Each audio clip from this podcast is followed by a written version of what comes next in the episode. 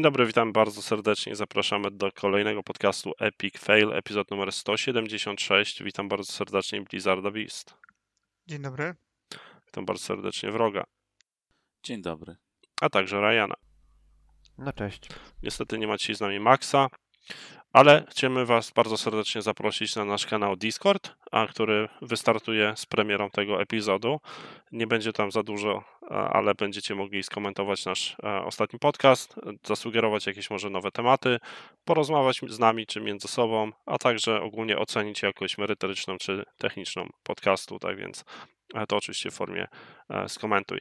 Link będzie opublikowany na Facebooku, Twitterze, a także pewno na innych kanałach. Pracujemy dalej również nad stroną, no i a, a, aktywnie e, aktualizujemy feedy do Spotify, e, iTunesów, co nie znaczy, że macie nie komentować teraz podcastu i nie subskrybować na YouTubie. Tak więc koniecznie subskrypcje mają iść w górę, a nie w dół, tak jak to się w, e, I wciskajcie dzwoneczek. koniecznie. Boże, jakie raczysko te wszystkie media I społecznościowe. Powinny być jedne słuszne media, powinna być nasza klasa i tyle. Grono. O, fuck, grono. grono.net. Nie istnieje już, albo nasza klasa. Nie, nie, nie istnieje. Grono chyba zrobił ziomek od gadu gadu, nie? Chyba coś było tak, ale nie znam szczegółów. A ziomek od gadu gadu nazywa się Łukasz Foltyn i on też zrobił Foltyn Commander, który był klonem Norton Commandera. Nie znam takich. To ciekawy news na starcie z lat 90. Bardzo. No, nawet trochę chyba, no nie, 90 w sumie, tak. Dobra, Okej, to jedziemy z tym koksem. Newsy, newsy. bo mało, to startujemy. Tak, y, co się ciekawego działo ostatnio? Frozenheim, w rogu. Nordycki City, city Builder. O, Można laskę on- Odyna zdobyć. On się chyba nie spodziewał, że go tak szybko przywołasz do tablicy, ale Maxa nie ma, to W rogu. już poszedł grać w Destiny. Patrz jaki ten. On mówi, dobra, to teraz pół godziny będą gadać, a, spokojnie. No to następny, Pięknie. następny news, zanim się Marcin Dobrze. obudzi, albo mu się urwało od internetu może. Tak mi się, tak mi się wydaje. Y, Epic rozpoczął pracę No nad mi się Unreal Engine. urwało i nic nie słyszałem. O. A, y, To ja zacznę. Epic rozpoczął pracę nad Unreal Engine w chmurze. Mają y, ogłoszenia dla y, szefa zespołu, który miałby tenże zespół założyć oraz dla pomniejszego dewelopera. Y, Idea jest taka, żeby przenieść cały Unreal Engine w chmurę i żeby zamiast mieć lokalnie zainstalowanego i korzystać z lokalnych zasobów DevBoxa, wszystko sobie w chmurze śmigało. I i o ile pomysł jest powiedzmy spoko, bo nie wymaga od ciebie jakiegoś super duper wypasionego komputera, żeby działał, to raz, że będzie latencja, co zawsze jest trochę z bańki, a dwa, yy, tak jakby do chmury Unreal Engine, czy tam do chmury Epica oddajesz wszystkie swoje asety, no bo nie wyobrażam sobie, żeby nadal asety, tak, terabajty danych z gry były u ciebie lokalnie i w jakiś magiczny sposób są one teleportowane na serwer. Więc tak jakby to jest taka trochę monopolizacja też kontentu. Zobaczymy. To, jest dopiero, to są dopiero początkowe kroki z ich strony w tym kierunku, a jest to jest to umiarkowanie interesujące, jak ktoś jakoś takie rzeczy jarają. Ciekawy kierunek. Nie ma Maxa, więc nikt nie ma nic do powiedzenia na ten temat, ja wiem. Nie, on by zhejtował Epic Store, czy Epic Games. Ja też bym skajtował Epic Store. E, z innych rzeczy, e, Sinking City, DMCA na, na, na Steamie, ktoś może chce o tym powiedzieć. A to nie rozmawialiśmy o tym tydzień temu? Może? Ty, Marcin, dawaj ten Rozmawialiśmy. Frozenheim. W rogu? Zaś, no, cóż, nie, nie może być tak, że mu urywa od internetu, jak się zada pytanie, może powinniśmy inaczej spróbować. Znaczy, nawet, w, Poza- n- nawet wychowawczynie prowadzące lekcje zdalne w- nie dopuszczają tego, że jak to się dzieje dwa razy tylko po pytaniu, to od razu wiadomo, co jest nie tak.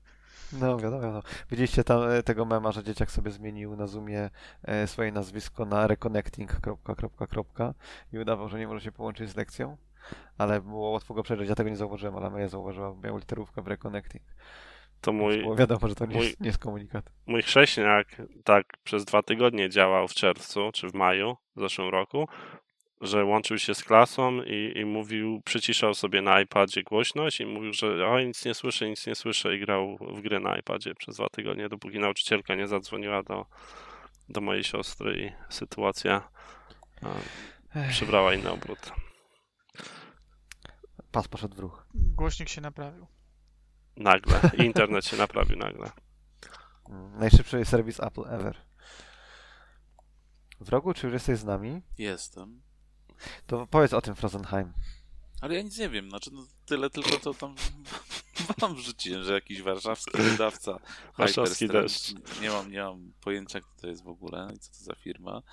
E, zapowiedziała grę Frozenheim, która będzie kopią tej, tej gierki, która teraz tam bije popularność na Steamie, której nazwy teraz nie pamiętam, o której Max lubi często wspominać. Valheim? O, Valheim. Znaczy, no przynajmniej tak to wygląda, bo też ma być jakimś city builderem w nordyckich klimatach. Moment, ale to chyba Valheim to nie jest chyba City Builder. Właśnie. Mi się wydaje, Nie że City Builder to raczej osady będzie... się buduje, tak? się Village builder. Nie, tam też właśnie mi się wydało, że Valheim Wyda- polega na budowaniu i zbieraniu surowców. Ale to jakby jest osoby i po prostu biegasz postacią. Z tego co ja widziałem, e, jeżeli chodzi o Frozenheima, to jest bardziej coś e, typu, nie wiem, e, Kleopatra albo Zeus, no nie? Tylko z bardziej dynamiczną kamerą, nie tam w takim sztywnym rzucie izometrycznym. Coś takiego jak teraz wyszła, o, ale teraz źle powiem, Nabuchodonozor. E, nawet mi poszło. E, wyszła gra ostatnio, Nabuchodonozor, która właśnie nawiązuje do takich city builderów, e, tylko jest tam sumeryjska, zdaje się, tak? Tak samo jak Zeus jest, uwaga, e, grecki, a Kleopatra jest egipska. Takie SimCity, tylko że nie SimCity. Takie newsy pecetowe, jak nie ma pececiarza z nami, to tak No można. właśnie. Znaczy ja tylko No. wrzuciłem dlatego, że mi się nazwa rzuciła w oczy, więc tyle. No, to tam Heim to jest y, tam końcówka w, w wielu językach nordyckich, która coś oznacza, więc jakby Frozenheim. y, to, że Frozenheim i Valheim się podobnie nazywają, znaczy, że są podobnymi grami, mi się wydaje, mimo wszystko. To takie coś jak u nas się nazwiska kończą na ski. Tak, na, na, na, na, na, na To, to wszystkie gry w nordyckich na narty się będą hajmy, tak? Okej. Tak, tak, tak. Y, Blizu, ty na pewno znasz jakieś nordyckie zespoły, które się kończą na Heim. Na pewno Mordheim. znam. Mordheim to akurat nie jest ani nordycki zespół, ani tym bardziej nordycka klimatycznie rzecz. A, Mordechai brzmi troszeczkę jakby to było coś, co gra na żydowskim weselu. nie mordę, tylko mord. A, i, I nie Haj, tylko Heim, rozumiem. Mordheim. Grałem w Mordheim niedawno. Strasznie trudna gra. A, to, a co to jest w ogóle za gra? Mordheim to jest jakaś, mm, jak mówią mądrzejsi ode mnie, jakaś adaptacja e, planszówki. Warhammerowa gra taka, w której masz swoje, mm, oddająca takie trochę mm, systemu bitewne rzeczy, czyli ruszasz się postaciami, które mają jakiś tam okrąg wokół siebie, gdzie można, yy, mogą atakować, mogą trzymać różne tam, no takie, takie Warhammerowe A, coś. wydaje mi, się, wydaje mi się, że to był kiedyś yy, skirmiszowy Warhammer. No nie, bo Warhammer to jest tam bitewniak dużej skali, czyli masz gigantyczne armie, które ze sobą To tam jest po ścierają. sześć jednostek. A- Mm, No właśnie, właśnie, a wersja skirmiszowa tego się właśnie nazywała chyba Mordheim. Nie no, miałeś, gra yy, wyszła tam, chyba. Pięć łowców na przykład, jakiś tam Tak, parowy, gra wyszła chyba tak z 5 lat temu, czy 6 już na, yy, na Xboxa jakoś tam. No, ostatnio grałem chwilę, ale to dygresja. Pamiętam, z- ze 20 lat temu się jarałem figurkami. Mordheim, Mordheim. City of the Damned. Tak więc Heim to jest region ogólnie w Norwegii. Czy bardziej takie county. Mi się wydaje, że to jest, że to jest słowo, które ma korzenie podobne do y, życia, bo Heimat to jest tam ży, życie, no nie? W językach niektórych. Anyway. Na przykład w C. Tak, tak, tak. E, Z innych newsów, Denuvo będzie na PS5. Wszyscy lubią e, anti-cheat systemy Denuvo. Z Polski to jest w ogóle system, zdaje się, nie? Polski? Ja nie wiedziałem tego. Tak mi się wydaje. Albo mają przynajmniej biuro w Polsce, bo gdzieś tam e, obiło mi się uszy, że tam znajomy znajomego pracuje w Denuvo. To Wydaje mi się, że są nam znani ludzie, którzy czasami pracują też poza granicami kraju. To nie znaczy, że jeśli ktoś zna kogoś, kto gdzieś pracuje. Już nie być takim cwaniakiem, okej? To jest niemiecka firma, z tego co widzę, bo to jest to No, to, to GmbH. jest zarejestrowana, ale to, że zarejestrowana nie znaczy, że większość developmentu dzieje się w Niemczech, no nie? No, ale to jest właścicielem Ale tak, tak. firmy, to wtedy I nie GmbH, panie, tylko GmbH, to nie jest angielski. GmbH. z Austrii jest software company based in Salzburg, Austria. Mm, Austriacka, okej. tak więc e, wiemy już więcej. Z każdą chwilą edukujemy się, z każdą minutą tego podcastu wiemy więcej. Ale Zgadza ludzie ich hejtują Ej. chyba za te DRM-y, a nie za tam anty-cheatowe rozwiązania, więc to w sumie jedno z drugim nie ma za dużo wspólnego. To zależy, czy czytują, czy nie. A ludzie czy deweloperzy? Nie no, gracze, jak pamiętam, tam zawsze było denuvo, denuvo, jakieś tam problemy były na tych, PC, tych PC-towych gierkach. Tak, tak, no bo to działa jako DRM, no nie instalujecie. No, No to- znowu Maxa nie ma i no, no, się nie wypowie. Nie, nie, nie, no to ja, ja mogę powiedzieć jak to działa, to generalnie instaluje ci tam sterownik e, w systemie i ten sterownik szpieguje ciebie i sprawdza, czy przypadkiem nie kombinujesz. I to możesz wykorzystywać zarówno do antypiractwa, jak i możesz do antycheatowania wykorzystać. Taka tam platforma do tego typu. A to nie jest tak, że to było ten um, CD Projekt Red na początku, to właśnie mówił, że będzie de novo w jakimś tam Wiedźminie 3 chyba i potem się wycofali z tego. To też było łącznie z tym pozwem, który mieli przeciwko piratom. Nie, wydaje mi się, że to nie mogło być związane z e, Wiedźminem 3, bo w okolicach Wiedźmina 3 CD Projekt zarzekał się, że oni zawsze będą DRM free i tak dalej, i tak dalej. Nie, oni od początku tam jechali na, na, na, na, e, na tym, że są DRM free i że wszyscy Ale nie, nie, przy kochać. dwójce było coś tam, tam jakiś pliczek trzeba było pobrać i tam jakieś problemy też z tym były. Coś tam, coś tam było. Tylko nie wiem, czy to było de, de novo. Bez nie, nie, oni swoje chyba strasznie. mieli, oni swoje chyba mieli. Ciężko tak bez Maxa, ciężko. To skupmy się na konsolach. Au. E, tak swoją drogą, to trzymajcie wszyscy, trzymajcie wszyscy kciuki za Maxa, bo y, jest u dentysty właśnie. Trzymajcie kciuki za dentystę. Tak, że Max go nie zabił. E, Naughty Dog pracuje nad grą PS5 z ekonomią online. W sensie y, mają ofertę pracy, że szukają kogoś, to designera ekonomii online, czyli pracują nad giereczką, która będzie miała komponent multiplayerowy. Tak oni nie robią tego multi do The Last of Us 2 jakiegoś? No, Może to być w tym samym świecie, jakby, jakby nie, nie wyklucza jedno z drugiego. Jedno, jedno... Nie wykluczają się te rzeczy wzajemnie. Mam dzisiaj ciężki dzień, sorry. Nie wiem, no, Eee, nigdy nie byłem fanem multiplayera, ani w Uncharted, ani w The Last of Us. E, Spędziłem może raptem dwie godziny z wszystkimi produkcjami w formie zabawy online. Nie przekonywały mnie one na jakąś większą, ale ja to głównie przez pada tak naprawdę do PlayStation, nie, nie ze względu na jakość tego multiplayera w tych trybach, tak więc no, to raczej nie, też nie, nie, nie trafiłeś z tym newsem, jeżeli chodzi o mnie. No, e, nie wiem co powiedzieć.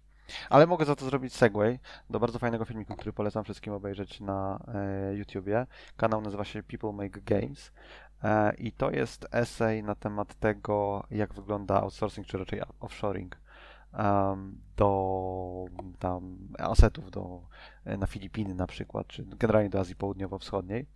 E, gościu prześledził, kto czy tam jakie firmy e, tworzyły asety na przykład do Cyberpunka i przeprowadził wywiady z ludźmi, którzy pracują w tych, w tych firmach. I tak jakby e, nawet jeżeli ludzie, nie wiem, w CDP powiedzmy nie crunchowali, to okazuje się, że firmy, do których e, outsourcowany był e, content, crunchowały i to bardzo, bardzo mocno. I w krajach e, Azji Południowo-Wschodniej bardzo silnie wykorzystuje się właśnie różnego rodzaju grafików, animatorów i tak dalej, ich e, pasje do przemysłu gier wideo a zmusza się ich do pracy tam 70-80 godzin w tygodniu na przykład, e, płacąc za 40 godzin. Bardzo, bardzo, bardzo fajny esej, więc jeżeli kogoś interesują kulisy produkcji gier, to, to warto e, ten film zobaczyć.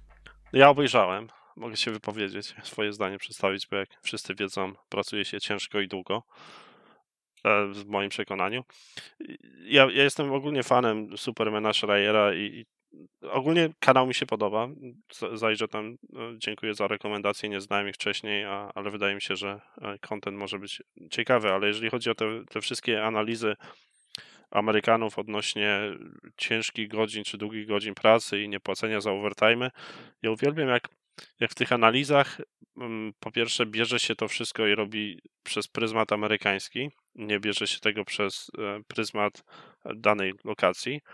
I po drugie, brakuje w tych analizach przeprowadzonych sytuacji czy analizy geopolitycznej, bo to, że tam ktoś e, w filmiku wrzucił informację, że o, pracują tam e, 40 godzin tygodniowo, e, czy 70 godzin tygodniowo i nie płacą mi overtime'ów i, i zarabiają 750 do 900 dolarów miesięcznie. I, I to ma odbiorcę tak jakby e, wywrzeć wrażenie, wow, tak, płacą mi takie gówniane pieniądze, e, a oni pracują tak ciężko. Nie biorąc ogólnie pod uwagę, jaka jest średnia płaca czy średnia krajowa w danym kraju. To jeżeli ludzie, e, którzy odbiorcy oglądają to i dostają taką informację, kurde, 900 dolarów, to ja bym nawet nie wyszedł z domu, bo mi się nie opłaca. Ale na przykład, jeżeli weźmiemy i, i zobaczymy na sytuację w Malezji, gdzie średnia płacy jest 1900 dolarów miesięcznie, to nagle okazuje się, że to wcale może nie być taka fatalna praca. I, I, tego na pewno mi brakuje w tych y, analizach Supermana Schreiera, czy, czy, czy w tym filmiku, który wrzuciłeś. To jest numer jeden problem, który mam, że nie ma porównania do, e, do sytuacji geopolitycznej lokacji, którą analizują i pokazania tak jakby statystyk, na przykład jaka jest skala bezrobocia w danym kraju, no bo jeżeli jest wysoka, to wiadomo, że ludzie będą szli tam, brali byle jaką pracę, jakiś e, poziom ubóstwa w danym kraju, e, czy, ten, czy ten kraj jest generalnie krajem rozwijającym się, czy, czy, czy średnia płacy rośnie, na jakim poziomie jest infrastruktura. Też przydałoby się takie jakieś poboczne informacje, żeby to w jakiś sposób ocenić. Jeszcze taką dygresję zrobię, na przykład Albo to dygresję zrobię później, jak się ustosunkujecie do tego komentarza. To znaczy tam jest powiedziane z, z, tych wywiadów, wynika wprost, że to nie są pieniądze, które pozwalają ci się utrzymać jakoś super albo utrzymać w ogóle. I ja rozumiem, że to, jakby opportunity cost jest istotny i czy masz możliwość wykonywania innej pracy w, za te same pieniądze w tej samej lokalizacji, no nie? bo to do tego się w zasadzie sprowadza. Eee, I wszystko wskazuje na to, że tak nie jest. Oczywiście fajnie by było, gdyby można było pokazać, ok, osoba pracująca, nie wiem, w McDonaldzie sprzedająca, yy, nie wiem, kosmetyki w sklepie, e, zarabia tyle, a tam entry level e, grafik zarabia tyle e, w takim sweatshopie, no nie? Oczywiście ta informacja byłaby przydatna, nie mówię, że nie. Niemniej jednak sama wypowiedź na przykład, y, bo ten autor tego, y, tego eseju napisał też do dwóch firm y, tam z Azji Południowo-Wschodniej, które zajmują się outsourcem grafiki. I jedna z tych firm, tam ktoś odpowiedzialny, czy tam jakaś, jakiś reprezentatyw z tej firmy odpowiedział mu. I tak odpowiedź była taka, że no oczywiście, że to jest mało pieniędzy, że to jest mało pieniędzy, ale ci ludzie jeszcze nic nie potrafią, muszą się dopiero nauczyć. I tak by inwestujemy y, pieniądze, które moglibyśmy im zapłacić, inwestujemy w nauczenie ich tych rzeczy. E, tam, nie wiem, modelowania, animacji i tak dalej. E, nie sądzę, żeby zatrudniali ludzi, którzy do tej pory układali cegły na, ten, na, na budowie i teraz nagle przekwalifikowali się na, e, na produkcję asetów graficznych, więc ludzie mają prawdopodobnie, prawie na pewno większość z nich ma jakiś background uczelniany, no nie, że tam Bachelor of Arts czy cokolwiek, więc to nie jest tak, że brakuje im fundamentalnej, fundamentalnych umiejętności. A to, czy potrafisz używać narzędzia, czy nie potrafisz używać narzędzia, jak najbardziej jest yy, jakby ten koszt powinien ponieść pracodawca, a nie ten koszt powinien być przeniesiony na, na pracownika. No to, jest, to jest idiotyczne, że tak jakby pracownik musiał, musi się sam nauczyć, e, nie wiem, pipeline'u na przykład własnym sumptem e, i, i, i, tylko dlatego, że jeszcze nie umie, nie wie jak wewnętrznie wygląda firma, to dostaje mniejszą pensję. To jest idiotyczne w ogóle podejście. Znaczy, z tym się po części zgadzam, ale musimy wziąć pod uwagę też, czy, bo, w tym filmiku ja przynajmniej wywnioskowałem e, to, kogo wzięli tam na kaliber, to były właśnie w większości te entry level positions, to byli ludzie, którzy skończyli właśnie college, nie mają za dużo lat doświadczenia na karku, mają na pewno, wiesz, jakąś wiedzę i umiejętności, tak jak mówisz, to nie są ludzie, którzy układają e, cegły czy, czy kopią rowy, ale ludzie, którzy no, nie znają odpowiednich narzędzi, tłumaczenie oczywiście tam jakiegoś senior leada czy, czy menadżera, że oni nie płacą im overtime'u, bo, płac- bo inwestują w ich edukację, to jest bullshit, ale aczkolwiek e, trzeba się zastanowić, kogo analizujemy. Czy analizujemy ludzi, którzy są zatrudnieni do pracy, czy to są poziom kariery już zawodowej jakiejś, która jest e, ustabilizowana, bo, bo tam z tego co... Ale tam jest bardzo, tam nie pamiętam jaki termin został bo bardzo, bardzo mi się podobał, ale się go zapomniałem. To było chyba e, passion labor, czy jakoś tak. I, nie, to chyba aspirational labor. Nieistotne, w razie idea jest taka, że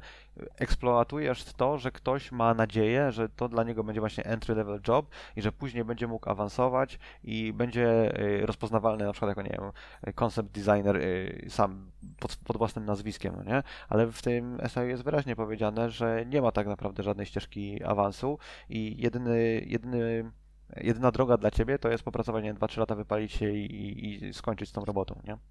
E, I tak niestety to wygląda, no. No, generalnie wydaje mi się, że to jest problem nie, nie tylko jeżeli chodzi o IT, czy, czy e, robienie gier, tylko problem, który dotyka ogólnie outsourcing jako branża. E, I z tym możemy się spotkać w innych dziedzinach elektronicznych, e, nie tylko jeżeli chodzi o gry wideo i wydaje mi się, że no, ciężko tak naprawdę tutaj to ocenić z tego, co mówisz, Ryan, bo wszystko właśnie zależy od tego, czy jest perspektywa. Ja, ja pod tym kątem na to patrzę. Ja na przykład jestem skłonny i chętny pracować długie godziny i pracować ciężko, dlatego że cały czas widzę perspektywę i ścieżkę rozwoju w, we własnej firmie. W chwili, gdybym nagle przestał tą perspektywę widzieć, może nie byłbym aż tak skory na to, żeby pracować po 12 godzin dziennie i, i chętnie Ale u Ciebie się. też system do Ciebie teraz zadziałał system kijem, znaczy nawet nie ale system marchewki, no nie? Ty zaczynałeś z tego, co rozumiem, jako tam, nie wiem, paperboy powiedzmy i ciężką pracą awansowałeś raz, o tam, przeskakując szczebel, drugi raz przeskakując szczebel nawet e, i, i istnieje motywacja, tak? Widzisz, że jest to możliwe i widzisz, że ciężką pracą możesz e, coś osiągnąć. Zaangażowałeś się, nie wiem, tam w migrację systemów e, ze starego do nowego przy, nie wiem, tam chyba buyoutie jakiejś firmy i super, no nie? To, po, to pozwoliło Ci e, tak jakby jeszcze, jeszcze silniej się osadzić jako, jako tam super team player i znakomitego pracownika i tak dalej, i tak dalej. Ale jest wiele, wiele firm, w których nie masz takiej możliwości. No Struktura jest niesamowicie płaska. E, te firmy, które zajmują się outsourcingiem mają kilkadziesiąt, kilkuset powiedzmy pracowników i większość z nich to są tam odbyty, no nie? Ludzie, którzy siedzą po prostu i robią to, co im ktoś każe.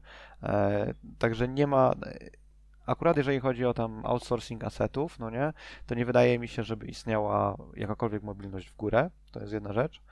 E, a druga rzecz jest taka, że nie zgadzam się z tym, że to jest y, uniwersalne powiedzmy w takich e, w zawodach, powiedzmy, nie wiem, y, dookoła IT, bo jeżeli pracujesz na przykład jako, nie wiem, support technician, no nie, no to pracujesz 8 godzin dziennie i koniec. Możesz mieć jakieś nadgodziny, ale nikt ci nie powie, że nie skończyłeś swojego supportu, więc możesz zrobić nadgodziny.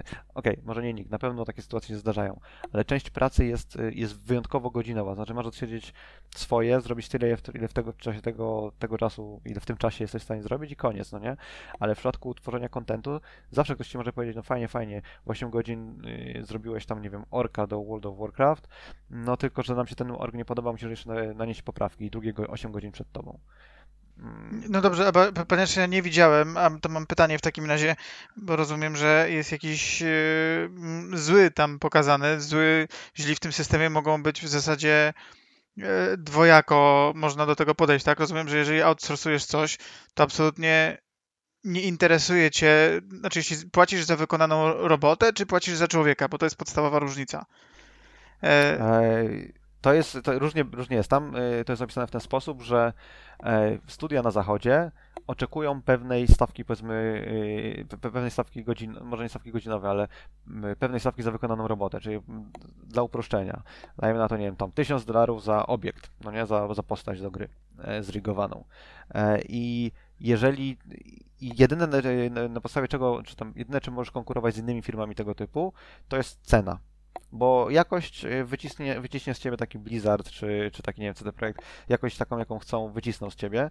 Kwestia jest tylko taka, czy ktoś gdzieś tam, nie wiem, w Manili, czy ktoś gdzieś tam w e, Ho Chi Minh City e, nie będzie w stanie zrobić tego 5% taniej, albo 10% taniej.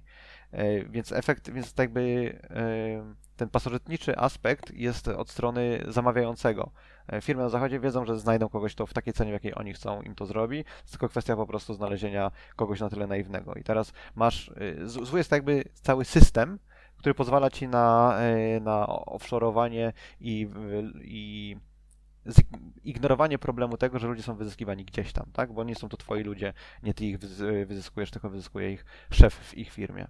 No w zasadzie o tym jest, o tym jest ten filmik. No, no tak, ale jeśli, ale jeśli oni oczekują, że za tysiąc dolarów yy, są w stanie kupić jakiś aset i ten aset, yy,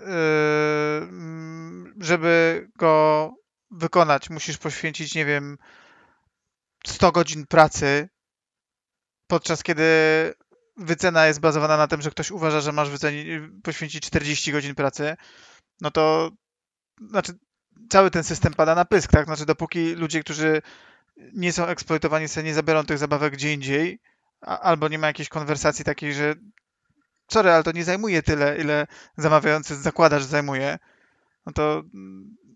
Czy tam jest to, tłuma- no, to tam to tłumaczą zgoda, to. tylko że to jest rejestr no tylko to jest race to the bottom, no nie? Masz takich yy, offshore'owych studiów setki, jeżeli nie tysiące. Masz dziesiątki tysięcy ludzi pracujących po prostu w, w dokładnie takim biznesie.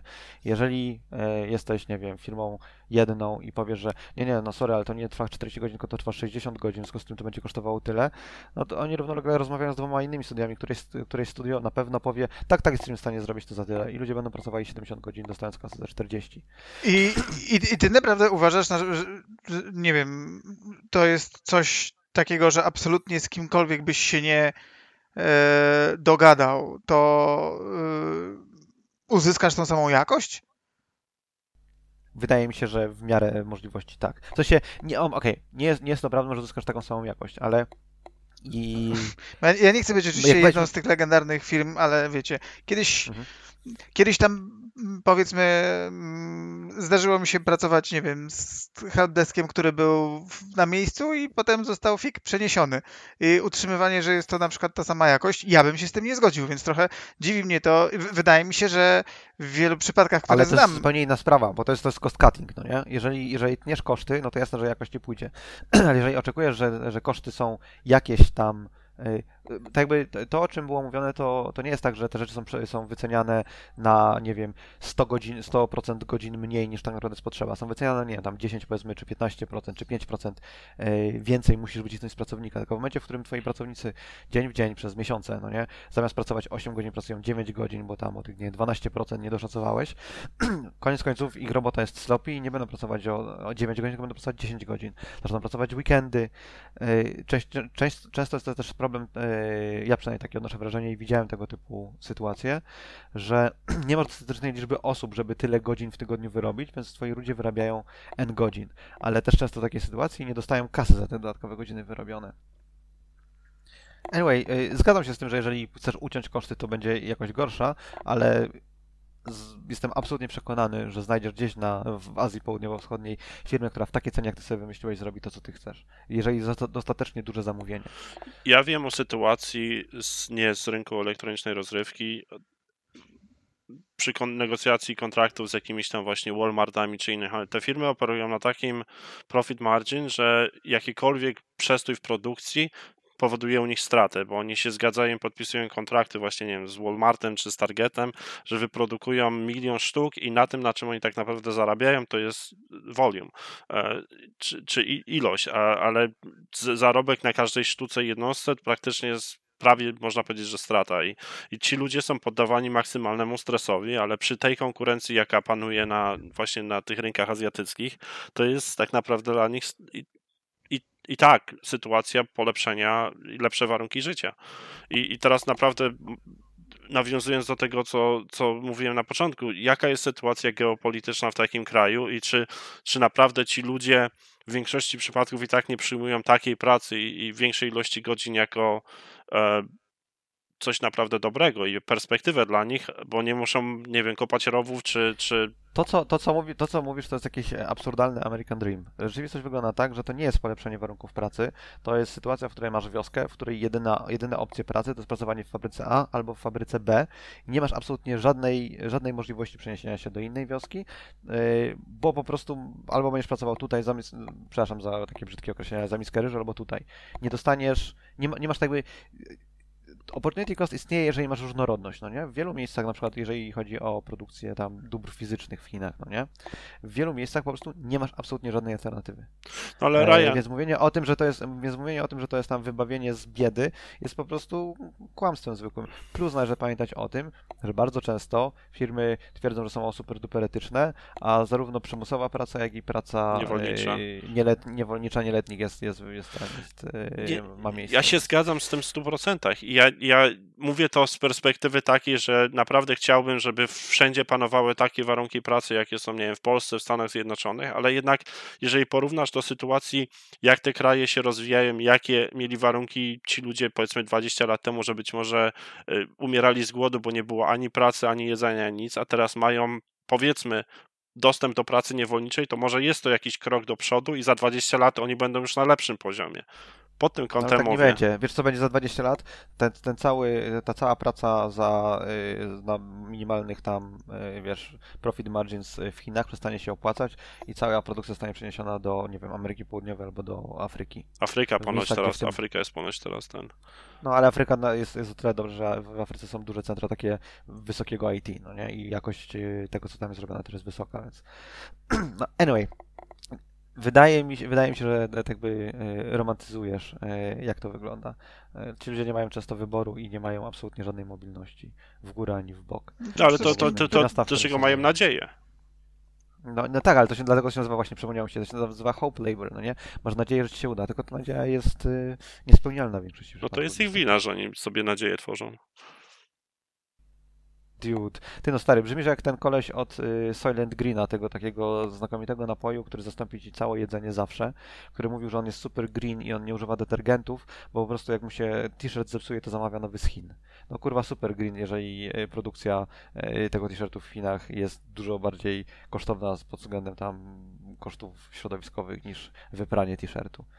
Tak jakby przenosisz problem na miejsce, które cię nie obchodzi i twierdzisz, nie, no jest okej. Nie, ja twierdzę, Okej. słuchaj, ja mówię, to- to jest sytuacja, w której zmienia się, zmieniają się warunki życia i tak naprawdę jako, jeżeli patrzysz na globalnie na, na planetę Ziemię, to porównując do tego, gdzie byliśmy w niektórych regionach, czy gdziekolwiek, 50 lat temu versus gdzie jesteśmy dzisiaj, to jednak te warunki ży- do życia się poprawiają wszędzie.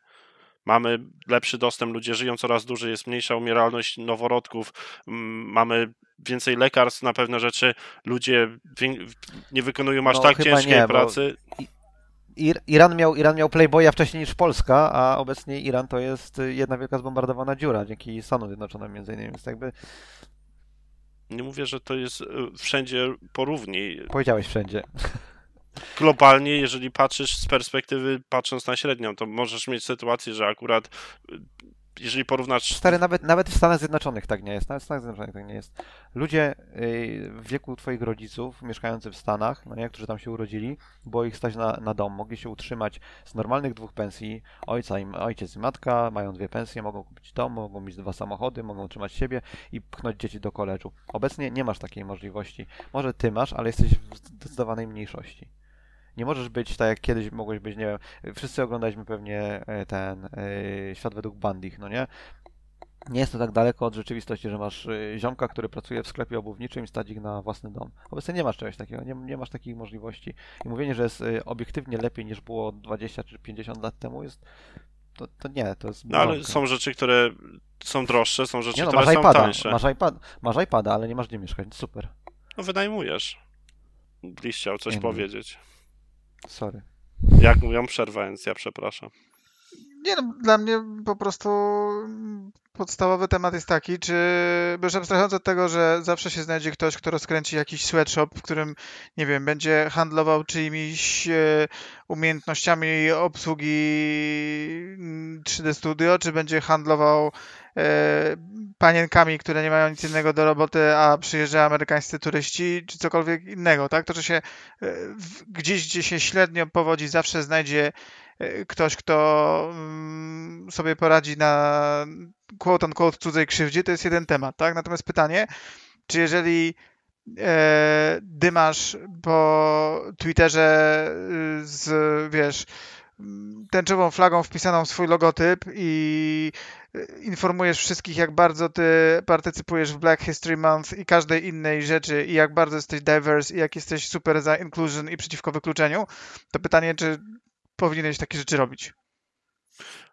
No nie powinieneś, wiadomo, ale to jest to, to, to jest ta, ta dyskusja, którą już mieliśmy tam wiele razy, tam zaczynaliśmy wiele razy w przeszłości, no nie? Ja nie uważam, żeby firmy e, czy instytucje, instytucje może bardziej, ale nie uważam, żeby firmy, szczególnie w game devie, można było mówić, że mają jakiekolwiek tam, nie wiem, wokeness jest firmy. To jest absolutnie PR-owy, PR-owy jakiś tam, nie wiem, szlif poza tylko i wyłącznie firmy, że o, my jesteśmy super inclusive, e, nasze hiring practice są super, e, my tam popieramy BLM, Black History Month jest zajebisty, e, tęcza, hishi i tak dalej, no nie? A w rzeczywistości tak wcale nie jest, no nie? I taki tam, nie wiem, Electronic Arts czy Activision może sobie udawać, że jest super duper woke, ale nie mają absolutnie żadnego problemu z tym, żeby outsourcować rzeczy do sweatshopu i wyciskać e, jak najwięcej kasy, e, bo są notowani na giełdzie, no nie? Tak jakby na, na poziomie systemowym to jest zrąbane, bo ich, e, ich motywacja, cały incentyw każdego jednego producenta czy wydawcy, może nie każdego jednego, ale większo- znakomitej większości, w szczególności tych dużych, to jest wycisnąć jak najwięcej kasy z systemu. No i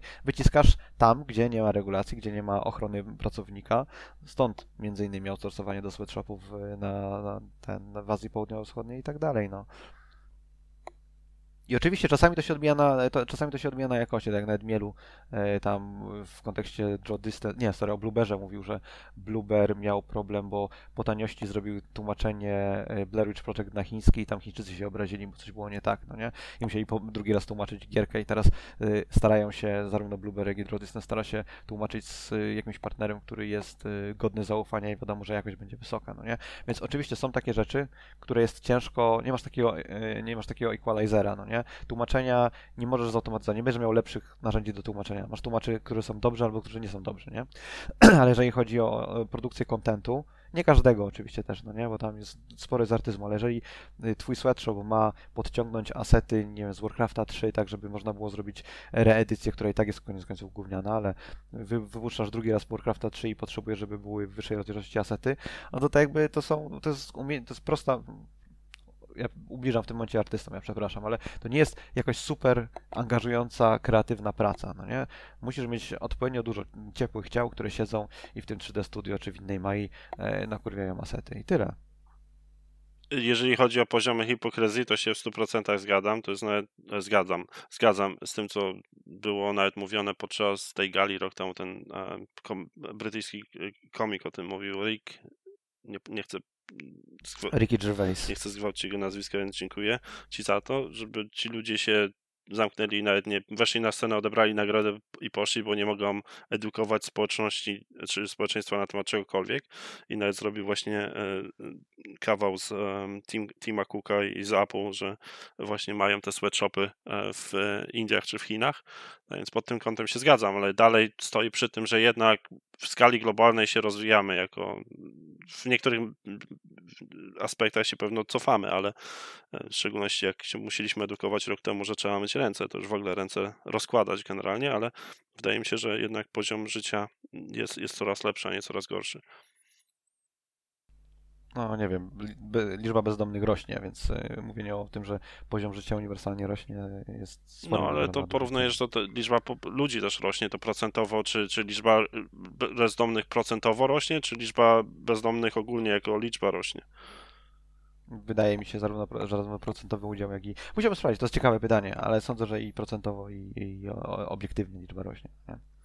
Szczególnie, że wiesz, to, że liczba ludzi rośnie na, na, na świecie nie jest też rozłożona równomiernie, no nie? Populacja w Polsce spada, w większości krajów Europy Zachodniej też spada, a tak jakby e, poziom ubóstwa e, czy osób dotkniętych e, problemem bezdomności, licz- liczba takich osób rośnie, nie? E, nie wiem, jaki jest, e, jaki jest trend w Stanach Zjednoczonych, czy populacja maleje, czy rośnie, To na co? ale liczba bezdomnych rośnie. To nie? musisz, ty jesteś częścią problemu, musisz zacząć nad tym pracować, Ryan, żeby w Polsce populacja nie spadała. Nie, roz, tak by rozwiązuje problem od troszeczkę drugiej strony i nie wiem, wspieram na przykład e, Daj Herbatę, bardzo fajna e, warszawska organizacja, która pomaga bezdomnym. Można, można, można oczywiście problem atakować z dwóch stron, ale ja nie chcę go atakować ze strony posiadania większej liczby dzieci, sorry. Wow. Okej.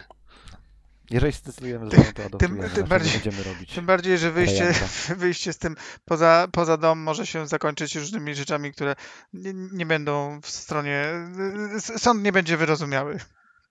Mówisz o robieniu dzieci poza domem, czy o wy, wyprowadzaniu O robieniu dzieci poza dzieci poza Bo w obu domem. przypadkach, w obu przypadkach uważam, że tak, dzieci powinny siedzieć w domu i tak, robienie też powinno siedzieć w domu. Czyli generalnie mówicie, że jak się stosunkujesz do tej sytuacji? Outsourcowanie jest złe z perspektywy globalnej, czy, czy zgadzam się z tobą, że na pewno jest wyzysk w branży, tak jak w każdej branży jest wyzysk, to moim zdaniem nie zmieniło się nic w naszej paru tysiącletniej, pa, paro, jak się mówi, w przeciągu paru tysięcy lat od naszej, hi- w naszej historii. zarania zawsze był dziejów. wyzysk. Dziękuję. E, i, I nie idziemy w lepszą stronę jako, e, ludzkość. Znaczy ja, mnie się wydaje, ja- jak, jak na e, socjalistę przystało, ja uważam, że powinny istnieć, e, nawet jeżeli nie są regulacje, nie są to regulacje jakieś odgórne państwowe, no nie, to masz e, różnego rodzaju, nie wiem, czy twoja czekolada jest pozyskiwana etycznie, tak, czy, czy, czy ka- kakao do twojej czekolady jest pozyskiwane etycznie. Są firmy, które sobie z tym radzą i dbają o to, żeby tam nie było child labor, żeby nie było forced labor, żeby, żeby ci ludzie byli, którzy pracują na, na, na polach, byli odpowiednio opłacani, no nie, i ludzie i tak jakby jest, jest zapotrzebowanie społeczne na takie produkowanie produktów spożywczych na przykład, żeby to było robione w sposób etyczny, no nie? Brakuje nam czegoś takiego w game devie, uważam. Po prostu. I czy to będzie, czy to powinno być narzucone przez, nie wiem, Biden mówi, że od dzisiaj offshoring tak, ale musicie płacić minimalną stawkę. Nie chcę minimalnej płacy dla Amerykanów, więc na pewno nie będzie chciał dla Malezyjczyków minimalnej płacy. Ale czy to będzie rozwiązane systemowo na tym poziomie, czy po prostu firmy stwierdzą, jorgną się, że tam woke, nie woke jest zapotrzebowanie, e, zapotrzebowanie wśród graczy, żeby gry powstawały w sposób etyczny, no nie? Pytanie, czy jest zapotrzebowanie wśród, wśród graczy. Ja na przykład taką potrzebę czuję, ale sądzę, że większość graczy ma wyjebane, dopóki giereczka jest ciepła w napędzie, to jest ok. Też się tak obawiam. Nie wyobrażam sobie wersji, w której istnieje mm, plakiet, naklejka na pudełku z grą podobna do tego, że twoja herbata została, Vegan. została pozyskana y, w ramach Rainforest Alliance. No wiesz, kiedyś, kiedyś nie było plakietki, która mówi, jaki jest, y, jaki jest limit wiekowy na grze, a się pojawił limit wiekowy na grze, no nie? Jakby nie uważam, żeby nie było możliwe samoregulowanie się. Wydaje mi się, że musi istnieć motywacja do samoregulowania i albo samoregulowanie motywowane jest przez państwo, albo motywowane jest przez rynek. No to ja mam pytanie, bo oczywiście to się przekłada, pójdźmy w drugą stronę. Czy, czy bylibyście chętni płacić więcej za gry, jeżeli by to było naprawdę udokumentowane, że te pieniądze, czy wy, Tak, wyższe tak. koszty produkcji Argument, gry? argument, jasne, argument, argument, że cena nie podniosła się od N lat jest, jest gówniany, bo oczywiście koszty produkcji podniosły, ale też liczba sprzedanych sztuk się, się zwiększyła i możliwość wyciągnięcia kasy za pomocą mikrotrans- mikrotransakcji się zwiększyła, więc firmy nie są stratne, no nie? I podnoszenie ceny gry z 60 do 70 dolarów z tego powodu to jest zwykła kradzież, yy, tam okradanie gracza, no nie? Ale jeżeli ktoś by mi powiedział, moja gra będzie, mogłaby kosztować, nie wiem, powiedzmy, że wspieram gierkę jakieś, nie wiem, double A, moja gra miała kosztować 30 dolarów, ale będzie kosztowała 40, ponieważ jesteśmy w stanie udokumentować, że nie, nie było tam żadnych nadgodzin, nie było crunchu, y, to co outsourcowaliśmy i offshore'owaliśmy, y, stawki były, były konkurencyjne rynkowo, czy tam lepsze nawet niż, niż, niż konkurencja płaci. Spoko, jestem w stanie za to zapłacić więcej, jak najbardziej. Ale nie zgadzam się z tą w 100%, bo nawet sytuacja z tym, z tym pierwszym stwierdzeniem, z tym drugim się zgadzam. Bo to, że masz teraz możliwości wyciskania dodatkowych pieniędzy z mikrotransakcji, to przecież też nie, nie jest za, za darmo. To, cała, cała ta infra- infrastruktura, wszystkie te rzeczy ktoś musi stworzyć, a to też generuje ze sobą jest koszt koszty. jest minimalny, zeratul. No jaki no, no, minimalny? Pamiętasz, pamiętasz, nie wiem czy pamiętasz dyskusję, dyskutowaliśmy o tym, nie wiem, tam No tak, i nie zgodziłem się z 12 tobą. pewnie. Nie, nie, nie, w jakimś Epic Failu 12 rozmawialiśmy na temat e, tego, jaki duży jest koszt dostarczania e, kontentu cyfrowo do, e, do odbiorcy, utrzymania serwerów, przepustowości i, dla, bo, i taka, takie było uzasadnienie wtedy, dlaczego jest limit giereczek na XBLA, tam było, nie wiem, 50 MB czy coś, coś takiego, no nie, że o Boże, koszty dostarczania tam kopii każdemu graczowi są takie wysokie. No nie, nie są, nie są. Tak samo jak nie, jest wysokie, nie są wysokie koszty utrzymania infrastruktury. Ale ja nie mówię o infrastrukturze sieciowej, ale żeby sprzedać coś w mikrotransakcji, to musisz stworzyć ten content, musisz stworzyć te emotki, musisz stworzyć te emblematy, możesz stworzyć, nawet była sytuacja, to jest najtańszy, Jest- możliwy, jest to... to- jest najtańszy możliwy content. To jest jakiś absolutny ułamek w, y, czasu, który trzeba na to poświęcić w porównaniu do tego, ile tego kontentu pchasz za 60 dolarów. W sensie, na pewno wszyscy wychodzą na plus w sprzedaży pudełkowej kopii gry i tego, ile płacisz za pudełkową kopię gry i na pewno margin, jaki masz potem na mikrotransakcjach jest through the roof, tak? W sensie, jeśli znajdziesz jakiegoś człowieka, który jest w stanie zapłacić ci e, setki czy tysiące dolarów, kupując jakieś debilne karty z piłkarzami do FIFA, to koszt produkcji tych kart jest żaden. Wystarczy ci, przeważnie jest tak, że wystarczy ci jeden whale, czyli ktoś, kto inwestuje grubo w twoją gierkę i zwrócił się koszt, e, koszt wyprodukowania tego kontentu. To jest y, tak jakby, to co mówisz miałoby, y, miałoby sens, gdyby, nie wiem, kontent epizodyczny rzeczywiście się przyjął, no nie? Problemem kontentu ep- epizodycznego, typu, nie wiem, tam Half, Half-Life to nie, ale Scene Episodes, no nie? Wyszedł pierwszy epizod i się skończyło. Problem kontentu epizodycznego jest taki, że żebyś w ogóle cokolwiek mógł mieć, musisz zainwestować kupę kasy, no nie? Stworzenie, nie wiem, czy tam podpimpowanie silnika, stworzenie, tam przetestowanie gameplayu, kilkanaście iteracji gameplayu, asetów, e, tego śmego i owego, zanim osiągniesz jakiś tam feeling gry, który ci odpowiada, no nie? E, To kosztuje cię bardzo, bardzo dużo, ale w momencie, w którym już wiesz, że twoje karty mają mieć kurwa różową rameczkę i na środku ma być zdjęcie nie wiem, tam e, piłkarza i z lekko zblurowaną koszulką i to jest super po prostu, tak, tak właśnie mają wyglądać wszystkie karty, bo doda ci spójną grafikę, to content produkcji następnych kart jest znikomy. No nie? I to się, ja wiem, że są, że są gry, w których masz y, bardziej wypasione rzeczy, bo nie wiem, kolor włosów sobie możesz y, w Destiny zmienić i to jest, y, swoją drogą, Destiny nadal jeszcze ma consumable, że jak użyjesz ten, jak zmienisz kolor włosów, to już drugi raz nie możesz sobie zmienić koloru włosów i musisz od nowa kupić farbę do włosów w Destiny, czy to już się skończyło? Nie było nigdy zmiany koloru włosów. No wiem, ale było tam, że jakieś y, można było, wiem, Shadery czy inne. shadery, czy coś Nie, tam, są, tak, są, właśnie. jeżeli mówimy o Destiny, mamy sytuację, w której Bungie wy, wypuściło misję do, do Destiny Zero Hour i w tej misji mogłeś dostać broń Thunderlorda i do, tej, do tego ta misja była wdana za darmo w ramach Gdzie jednej Deadlorda? Co ty tu grzeszczysz? Zeratul. Jak się ta broń nazywała, Marcin? Whisper. Whis- w, w Zero Hour A, Zero Hour, no, y, Outbreak, o Jezus. D- Drodzy No słuchacze, czy- jeśli myśleliście sobie, kiedy zacznie się, to już się zaczęło. Nie, bo nie będzie o kąciku Destiny dzisiaj, chyba, chyba że Marcin Ale chce. gdzie Thunder? Nie, Ale nie, to jedzie- jedziecie, przepraszam. no, Tak czy nam, inaczej- Opowiedz nam o consumable w Destiny. E, I do tej, do tej broni wy, wy, wypuścili skórkę, tak? Mogłeś sobie w sklepie za, za prawdziwe pieniądze kupić skórkę, jako niby, żeby support deweloperów za to, że wypuścili za darmo misję. I Bungie w jednym z e, tłabów, czyli tych weekly update'ów, które wypuszczają, wprost powiedzieli, że ze sprzedaży tej skórki byli w stanie opłacić stworzenie tej skórki. Na pewno nie byli w stanie pokryć kosztów wyprodukowania tej jednej misji, która produkowała jakiś tam mniejszy zespół, to nie to, że całe studio nad tym pracowało przez rok, bo tyle trwało. Ale to, to Apple's co- stary, no nie mówimy, nie co- To Czekaj, mówię, no ty właśnie. mówisz jedną sytuację, ale czekaj. Masz sytuację, w której zgadzam się z tobą, że sprzedaż gier rośnie, sprzedaż gier ogólnie rośnie na rynku, ale też masz zespoły deweloperskie, które nie liczą teraz 100 ludzi, tylko liczą po 1000 ludzi i masz jeszcze do tego 500 plus ludzi, którzy pracują w- Azji Południowo-Wschodniej i bo, bo kontent jest outsourcowany. To wszystko Ale to ten, są ale ten team, nie, ale ten team, który bardzo często zajmuje się utrzymaniem tej, tego supportu jakiegoś gdzieś tam w późniejszym etapie, jest ułamkiem tego, który robił tą grę, no.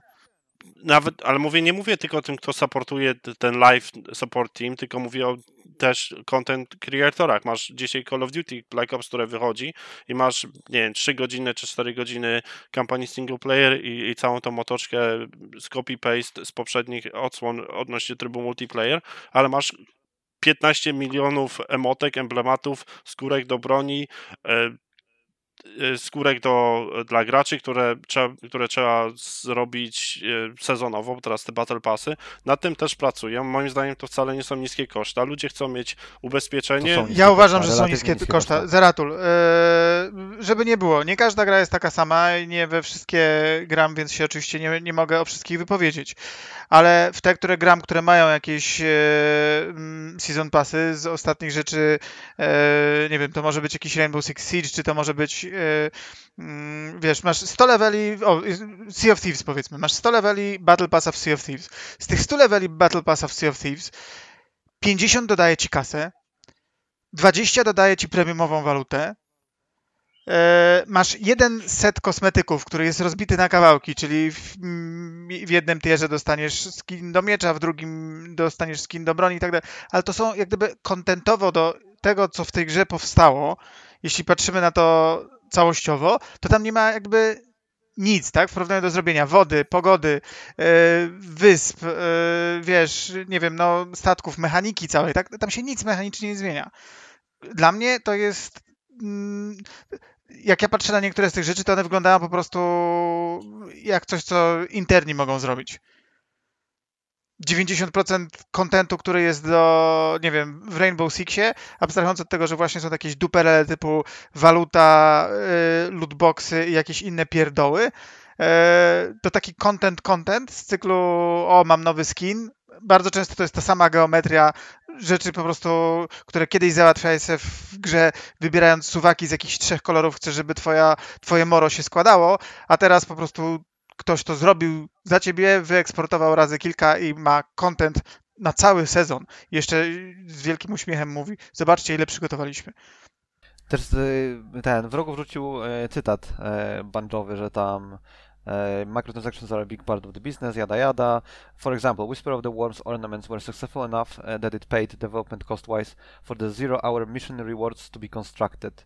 E, czyli e, sprzedaż skórki do broni. Znaczy najpierw, bo tak, ja, poczekaj, bo to było tak, najpierw wyszła Mhm. jedna misja taka ukryta i tam była właśnie broń, która dostała skórki, która miała płatne skórki i no według Luka Smitha gracze tak chętnie kupowali te skórki, że to ufundowało kolejną tego typu misję, gdzie była kolejna sekretna broń do zdobycia. No nie, to jest z tego co ja zrozumiałem, no nie, to tam jest napisane, napisane że cały system Mission Rewards, czyli ten system tam ukrytych rzeczy i do, e, nagradzania graczy jakąś, e, jakimś tam e, shitem w związku z tym, że tą ukrytą rzecz odkryli, no nie, cały ten system został zbudowany, czyli mówimy tutaj o Znaczy koszcie... nie, nie, no tu e, chodzi o konkretną misję. No, miała Ja jedna to właśnie misja, czekaj, bo to jest, ja może źle zrozumiałem. Czy to było, jak to rozumiesz, to mi- mission slash rewards? Czy to jest system, mission slash rewards jako misję, czy misję, czy, czy nagrody do tej misji? nie, nie, Znaczy Sy- samą systemy, misję systemy, i bo- samą broń. No broń też trzeba zrobić, no nie? Teraz będziemy się Anyway, zastanawiać. nawet jeżeli, nawet jeżeli, powiem wam tak, nawet jeżeli to nie jest, nawet jeżeli to nie jest misja, tylko to jest y, tylko i wyłącznie jakby mechaniki, które są, które są nowe na potrzeby misji, na potrzeby y, dostarczania y, tam ukrytego kontentu i dostarczania tej broni, nawet jeżeli mówimy tylko i wyłącznie o tej samej mechanice, to sprzedaż jednej skórki do tej, do tej broni, czy tam skórek do, do jednej broni ufundowała te skórki, broń, mechaniki, które pozwalają ci na zdobycie tej broni oraz mechaniki, które pozwalają ci na odkrycie jakiegoś tam sekretnego miejsca, w którym możesz, jak wykonasz misję, zdobyć tą broń. Więc to, ten, ten tak jakby twój argument, że y, skórka się zwróciła i nie, nie zrobiła niczego zajebistego jest y, słaby. Poza tym Destiny mi się wydaje, że jest stosunkowo stosunkowo nietypowym przypadkiem, bo y, mam nadzieję, nie gram w Destiny, nie? ale mam nadzieję, że Nie gram, ale sporym, sporym kosztem, sporym kosztem nie, sporym kosztem, Ale powiesz, że e, słaby argument. te- które Bungie, nie, sporym kosztem, który Bungie ponosi jest prawdopodobnie balans, no nie? W momencie, w którym masz dużo kontentu, który wpływa na, na grę, czyli masz dużo broni, dużo umiejętności, dużo jakichś tam, nie wiem, e, pancerzy, czy whatever, skilli, e, zbalansowanie ich jest bardzo, bardzo kosztowne. Dodanie jakiegokolwiek elementu, czy usunięcie elementu, czy zmodyfikowanie go ma lawinowe, lawinowe skut- skutki. Więc jestem w stanie sobie wyobrazić, że dodanie jednej broni w ich przypadku jest stosunkowo wysokim kosztem nawet. To nie jest po prostu, że o, wrzucimy tutaj nową broń, jest nowa broń. Nie, bo to oznacza balans, to oznacza jakieś tam, wiesz, tweakowanie yy, miliarda parametrów, yy, więc to jest troszkę więcej niż po prostu wygenerowanie skórki, ale sprzedaż tej jednej skórki, którą ktoś tam namalował, pokrywa te koszty.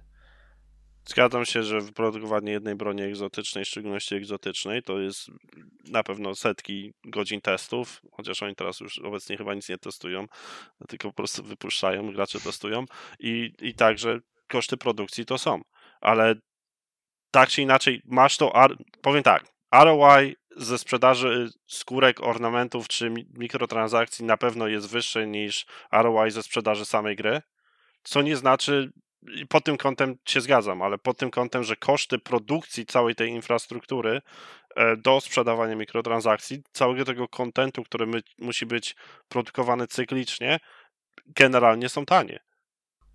To są też wysokie koszta, które podnoszą cenę produkcji danej gry. No dobra, ale Destiny wyszło 6 lat temu. Wtedy zrobili infrastrukturę do sprzedawania skórek i innych tych kosmetycznych śmieci, no i już więcej co, tylko to utrzymać, tak? Przecież gra jest, cały czas funkcjonuje na serwerach, to jest live game. No Marcin, ale masz, y, co znaczy utrzymać, utrzymać? To znaczy, że masz studio, w którym masz tysiąc pracowników, w którym średnia, y, średnia płacy jest 100 tysięcy dolarów. To oznacza, że musisz tym ludziom płacić pensję, ty musi, ubezpieczenie, e, urlop, jakieś 401k i te inne. To, za to wszystko musisz potem generować zysk. I, to, I część z tego studia pracuje nad nową grą, a część z tego studia musi dbać właśnie te asety. Część będzie pracowała w Foxconnie. wygląda tak, że zarówno, zarówno, w przypadku, zarówno w przypadku Bungie, jak i w przypadku CD Projektu, rzeczywistość wygląda tak, że te wszystkie rzeczy już się wielokrotnie zwróciły, no nie? Utrzymywanie y, y, Destiny, dodawanie nowego kontentu y, i utrzymanie tej infrastruktury, infrastruktury do tam mikrotransakcji, która istnieje, to jest prawdopodobnie zaangażowanie nie wiem, jednej trzeciej całego Bungie. No jest tam ten Dwie trzecie live Bungie w tym tak. momencie i to, i to finansuje pozostałe dwie, oprócz tego, że finansuje tam jedną trzecią Bungie, finansuje dwie trzecie firmy, która w tym momencie pracuje nad, nowym, nad, nowym, nad nową produkcją. Czyli oczywiście możemy mówić, że jak wyjdzie następna gra od Bungie, e, to ona musi się zwrócić, stratata, ale tak naprawdę w pełni już została zapłacona, tak? Nie ma tam żadnych długów, e, kosztów zaciągniętych u, u kogoś. Games as a Service, jeżeli są zrobione dobrze, no nie? E, Czyli jeżeli wszystko zostało dobrze przygotowane, gra jest znośna, e, gameplay jest, jest, jest rajcowny, e, ten content, który sprzedajesz po starcie, spokojnie, spokojnie zwraca się wielo, zwraca wielokrotnie koszty poniesione na produkcję gry. I, I są tego przykłady, no dlatego mamy tyle tych gier free to play, jak cho- chociażby Warframe, Destiny czy, czy Raid Shadow Legends. Z takich te- Fortnite. Fortnite, no, no to akurat jest evenement też, to jest ogólnie historia, to wiadomo, że oni tam zarabiają miliardy, oni pupę podcierają Czy dolarami. załatwisz nam, załatwisz nam reklamę, e, ten sponsoring e, Raid Shadow Legends? Chciałem, chciałem, potrzebujesz linka? Mogę ci wysłać, żebyś dołączył do gry i wtedy dostaniesz nagrody i ja też dostanę.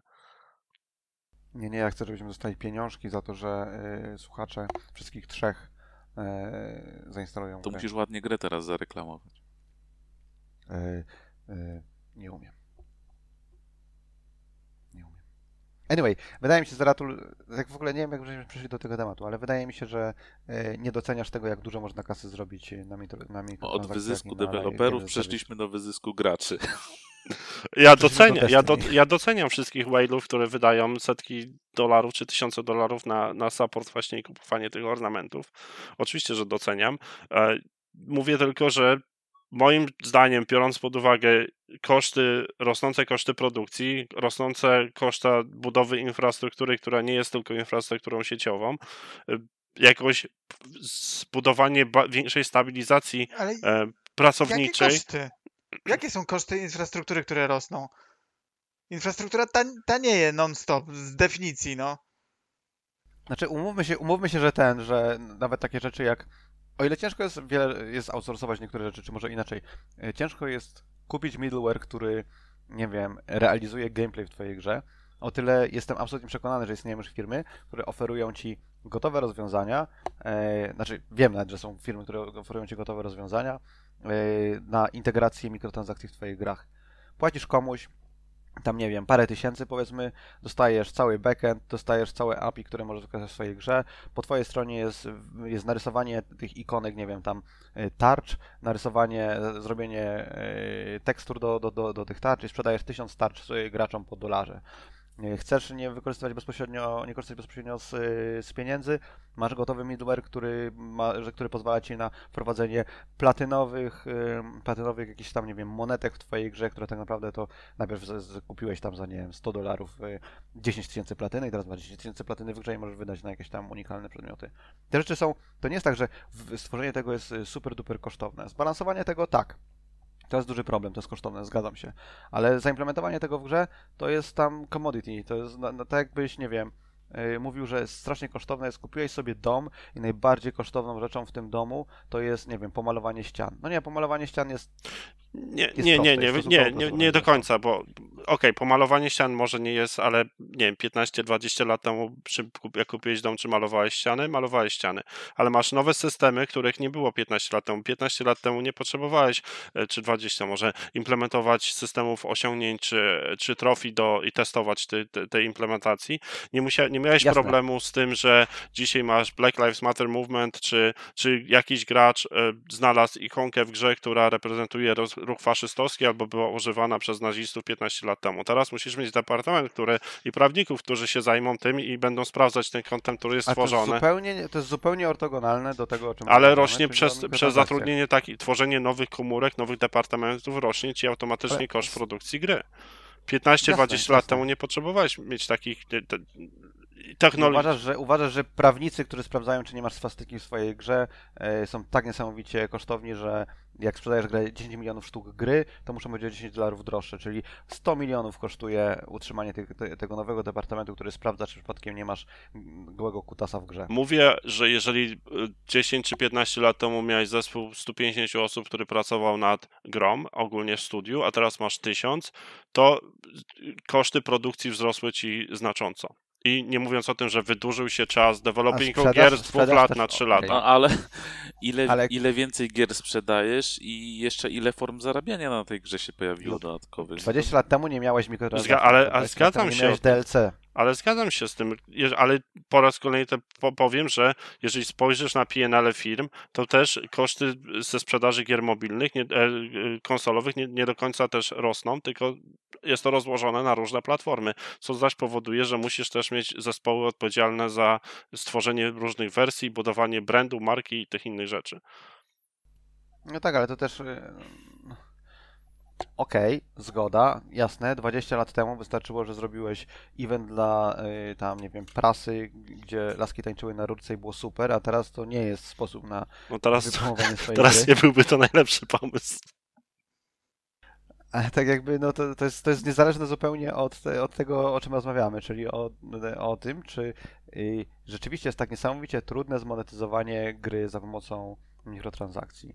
I to, co ja Nie, twierdzę, nie. To, to to, że oczywiście 20 lat temu, 20 lat temu nie było takiego problemu, 10 lat temu ten problem istniał i każdy implementował to samemu i to był duży koszt, żeby w ogóle rzucić się na giereczkę z mikrotransakcjami, a teraz jest to absolutnie może nie zerowy, ale niski koszt, ponieważ zintegrowanie tego w swojej grze jest proste. To, co jest trudne, to zbalansowanie ekonomii i zrobienie gry generalnie, w którą ludzie chcą grać, no nie? A te dwa problemy y, istniały 10 lat temu, istniały 20 lat temu. Nie, ja się Balans doczepiłem. gry był istotny też w Halo, nie? Ja się doczepiłem nie do tego, co jest trudne, tylko czy, czy jest umotywowany, czy uzasadniony koszt, e, koszt wzrostu gry o 10 dolarów. Moim zdaniem jest. To był mój punkt wyjścia, bo powiedziałeś, zacząłeś swoim, jak przeszliśmy od Ja tego, wiem, ja od tego, em, od tej konwersacji na temat em, wyzysków w krajach południowoazjatyckich i czy cena, e, jeżeli by tym ludziom się poprawił bet, czy byłbyś w stanie więcej płacić za grę. Myślę, że o tym dyskutujemy. Okej, a czy ty byłbyś w stanie płacić? Ja nie mam, znaczy, ja nie, nie, powiem tak, nie mam z tym problemu, aczkolwiek moje decyzje zakupowe, czegokolwiek, nie chodzi tylko o grę, ja nie, nie dyktuję swoich decyzji za, zakupowych tym, czy poprawiam komuś innemu byt, y, czy los. E, Jeżeli miałbym pójść do sklepu i mieć do wyboru produkt A albo produkt B i za produkt B zapłacić, nie wiem, 5 dolarów więcej, ale przez to wspomogę fundacji i się pomaga, tak, pewno wybiorę ten produkt B, bo będę mieć się czuł lepiej na duszy, coś takiego. Jeżeli, A jeżeli czy, czy tylko chodzi o shaming, tak? Nie masz, nie masz poczucia robienia czegoś takiego z siebie, po prostu shaming na ciebie działa. Czemu shaming? Ja w jakim sensie? No, Mam no, dobre no. serce, jeżeli No mam no produkt A i produkt B. Mówię, nie, nie, nie, nie, nie patrzę na, na zakupy pod kątem tego, o komu mogę dzisiaj pomóc. Patrzę pod kątem, co ja dzisiaj potrzebuję. Jeżeli ten produkt jest czymś, co ja potrzebuję, to tak pójdę kupić ten produkt. Jeżeli ten produkt jest wydawany przez dwie firmy i ta jedna firma wspomaga, nie wiem, lasy tropikalne, a druga nic nie robi w tej kwestii, no to wybiorę tą, która wspomaga lasy tropikalne, jeżeli o tym wiem. Okej, ale to w takim razie pod, y, jakby dajesz argument za tym, co powiedziałem. Musi istnieć jakiś sposób. E, jakby nie, nie będziesz miał dwóch firm, które zrobią ci identyczny Call of Duty, tylko jedna, e, nie wiem, e, nie wykorzystywała pracy niewolniczej, a druga wykorzystywała. No nie? Jedyny sposób, żeby, e, żebyś w ogóle mógł podjąć decyzję taką, że a, są dwie gry, wezmę, kupię tą, która pomaga komuś, no nie? Albo nawet nie chodzi o pomaganie komuś. Kupię tą, która nikomu nie zniszczyła życia. No, może tak.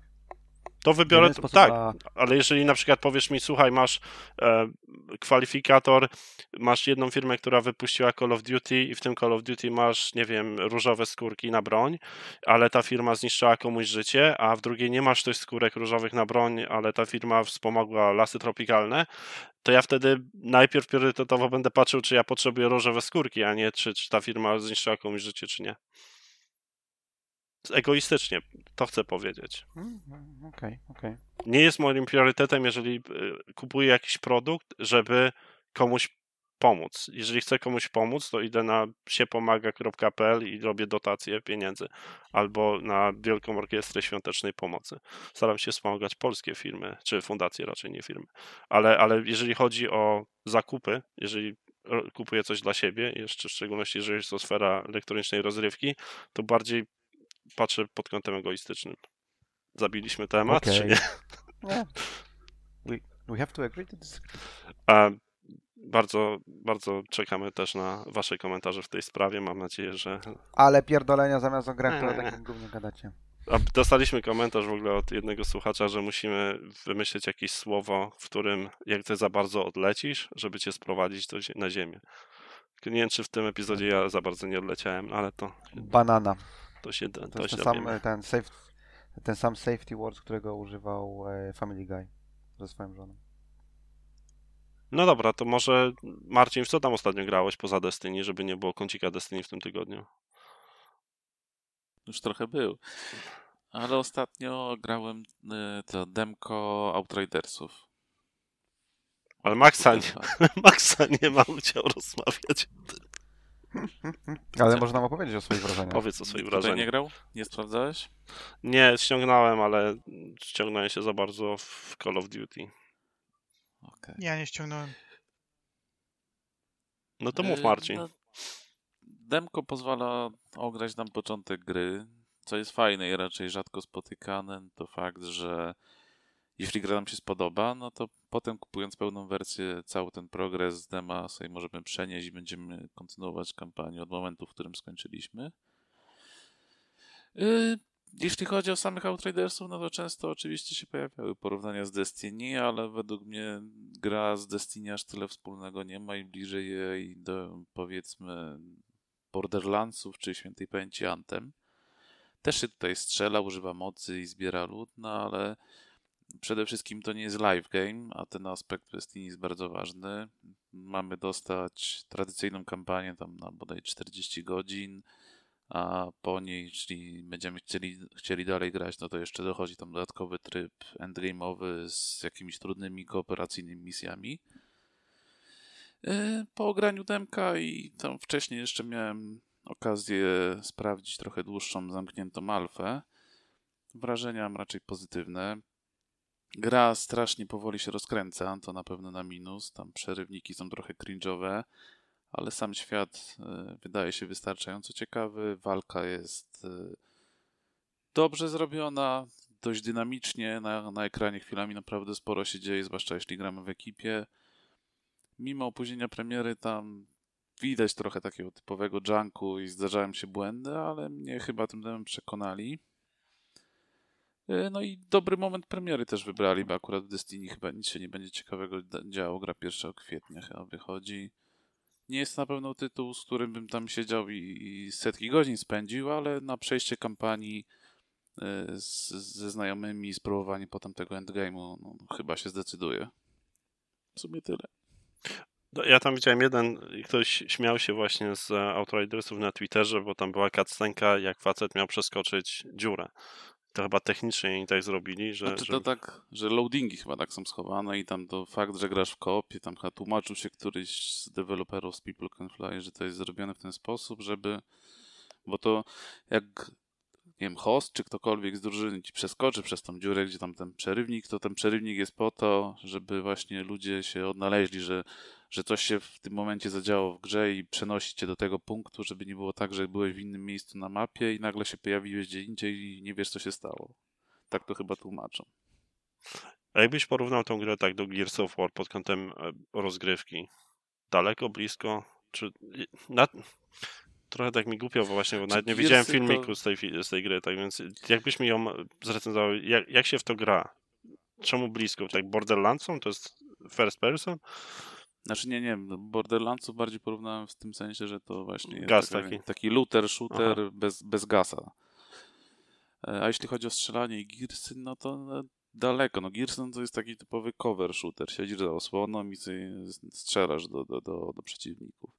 A tutaj, mimo że możesz korzystać z osłon się tam przyczepić na chwilę, tam schować, podleczyć, cokolwiek, ale gra zachęca do tego, żebyś cały czas właśnie do, do przeciwnika i zabijał jak najczęściej, wiesz, był w, w, w pobliżu i w akcji, bo za samo zabijanie cały czas y, y, dostajesz tam, leczysz się, możesz, wiesz, jakoś no, od przeciwnika do przeciwnika non-stop przechodzić i używać tych umiejętności.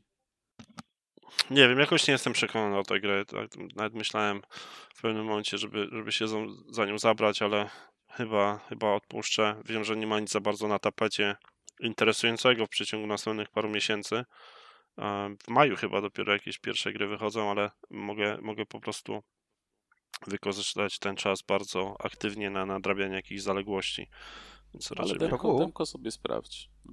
W rogu, jakbyś to porównał do Bulletstorma, bo z twojego opisu wynika, że tak jakby nagradzane jest y, ciąg, ciągłe bycie w ruchu i atakowanie Tak, przeciwników, no nie? tak, tak, tak. I jakbyś to porównał do Bulletstorma, albo nie wiem, do nowych Doomów. Czy no w Bulletstormie to miałeś bardziej nagradzany chyba styl, no nie? No to też ciężko No, triki, porównać. tak, tak, tak. A do czego jeszcze tam mówiłeś? Bulletstorma? E, Do Duma, bo Doom też ma taką mechanikę, no nie, że tam za finiszowanie y, przeciwników dostajesz dropy, tam szardy i tak dalej, no nie? No Życie. znowu w Dumie też masz, no, znaczy no, no bliżej grze do Duma, no bo te tam w Dumie to aż musiałeś korzystać z tego, bo tam właśnie wypadało, nie wiem, tam za finisher, nie wiem, co tam, leczenie czy amunicja, już teraz też nie pamiętam wszystko dobrze. też.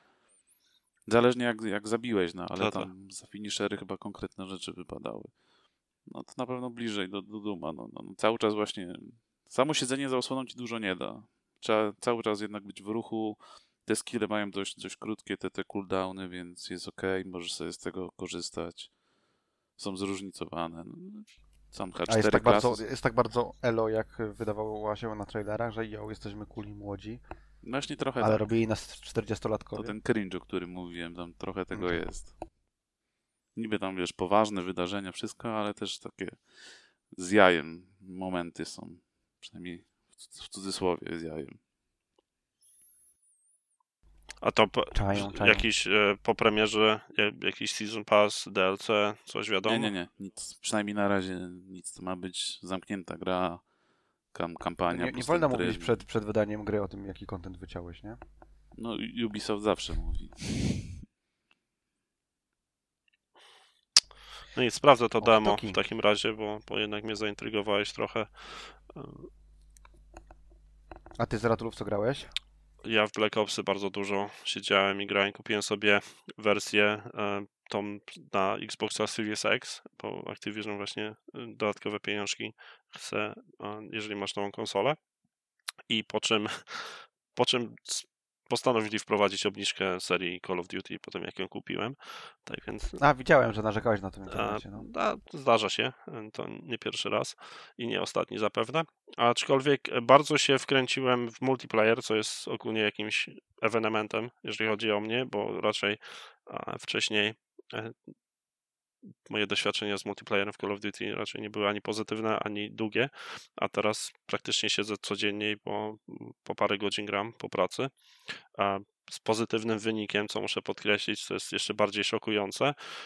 Powiem szczerze, że tak jakbym porównał. dużo. Właśnie nie. Właśnie mogę ci parę filmików pokazać, że biegam po ma- map się ład... Bardzo fajnie są mapy skonstruowane e, specjalnie dla ciebie wyselekcjonowane filmiki, w których... No oczywiście. Już nie będę streamował, szalałeś. E, ale pozytywne KD, tak więc jest się czym pochwalić. Aczkolwiek muszę powiedzieć, że raz ta gra za bardzo się w przeciągu ostatnich 20 lat to nie zmieniła, moim zdaniem, e, bo generalnie teraz, w szczególności jak wywalili ten podwójny skok i, i supery czy umiejętności, to praktycznie jest to to samo, co było w Modern Warfare tam w 2006 czy 2007 roku, 7 chyba, e, pod kątem multiplayera, przynajmniej ja mam takie odczucia, ale jeżeli zrobiłem sobie tyle lat przerwy od, od Call of Duty, to naprawdę teraz tak jakby czuję, że to świeże podejście, bawię się bardzo, bardzo fajnie, te 60 czy 120 FPS-ów e, bardzo fajnie też wpływa na rozgrywkę. Nie, nie będę tu ukrywał i kłamał. Generalnie przez to, że mi tak dobrze idzie w tym multi, to mnie trzyma e, tak długo przy nim, bo inaczej bym, bym walnął w tym, ale też bawię się i sprawdziłem zombiaki i sprawdziłem dwa, dwie mapy do tej pory. E, Dużo czasu z nimi nie spędziłem. Jestem pod bardzo, bardzo dużym wrażeniem, w szczególności tej nowej, którą wydali em, gdzieś tam na Syberii. E, Chyba lokacja jest taka e, otwarta, przestrzeń e, w, w, w tajdze czy tundrze syberyjskiej. A bardzo, bardzo przyjemnie się gra e, z, ze znajomymi i e, eliminuje tam przeciwników. Zombiaki, wydaje mi się, że jest to, to, co ciągnie też tą serię dosyć mocno do przodu i no te wszystkie tam rzeczy związane z tym, czyli upgrade broni czy umiejętności, e, jak najbardziej pozytywne, tak więc pod tym kątem bardzo fajna i rozbudowana gra. No i, i kończę teraz już tą trzygodzinną kampanię single player, która też generalnie pod kątem struktury, powiedziałbym, to się w przeciągu ostatnich 15 lat też w ogóle nie zmieniła, bo mamy e, misję skradankową, misję, w której biegniemy i strzelamy z naszymi kompanami, mis- misję eksploracyjną w jakiejś lokacji, gdzie po prostu musimy e, robić jakieś dochodzenie, czy rozmawiać z jakimiś e, NPC, czy skradać się troszeczkę. Mamy misję po prostu, w której nas kompan gdzieś prowadzi i, i musimy go Czyli chcesz śledzić. powiedzieć po prostu, że jest ten, jest lava level, water level, tak, jungle To chcę powiedzieć, czyli generalnie podążają jakąś struktura poziomów, jest to co im wyszło 15 lat temu to e, copy-paste, ale pod kątem fabularnym jestem zadowolony, nie, nie mówiąc o tym, że to jest takie high-end production, nie? tam te voice acting i aktorzy bardzo fajnie odtwarzają rolę, do, dobrani są i, i, i cz- czuć po prostu, e, że, że trochę pieniędzy zostało to wpompowane, ale pod kątem nawet fabularnym, pomimo tego, że nie za bardzo jestem zaznajomiony z uniwersum Black Opsa, to nie czuję się zagubiony.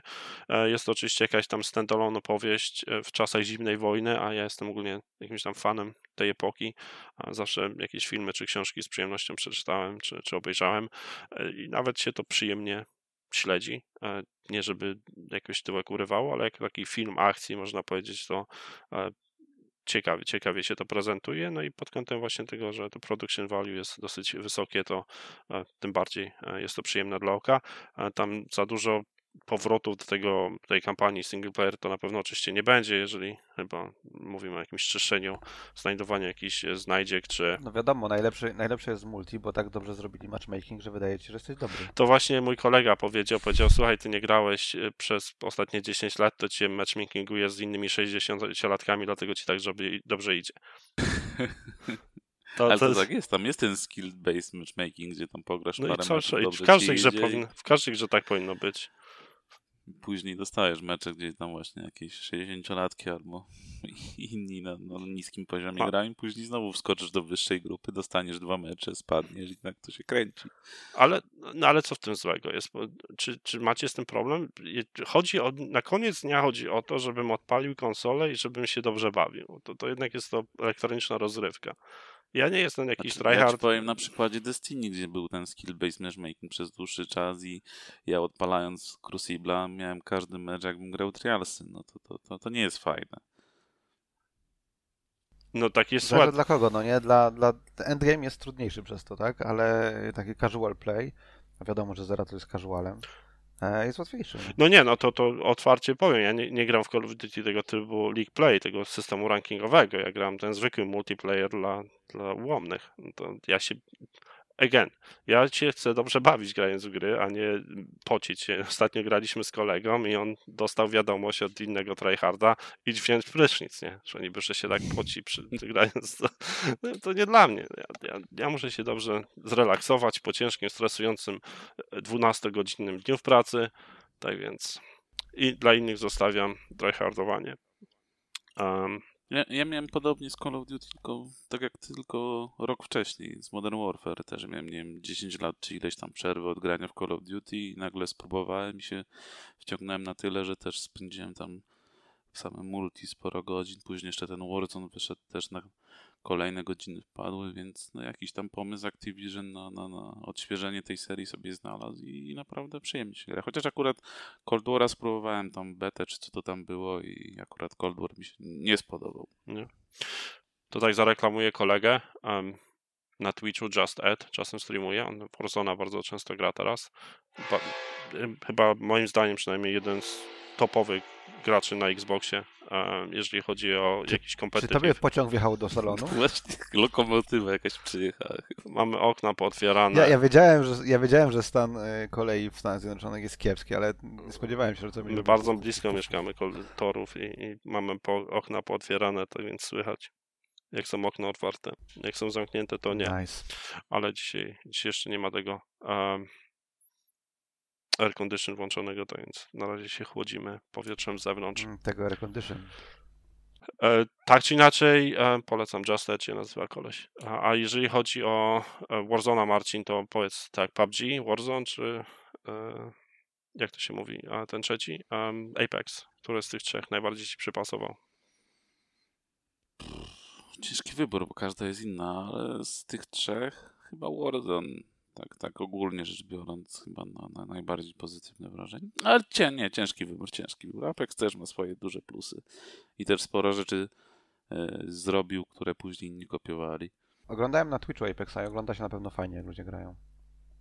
Każda gra, każdy z tych Battle Royale robił coś po swojemu i to na pewno było fajne. Najlepszy i tak był Survival w The Division.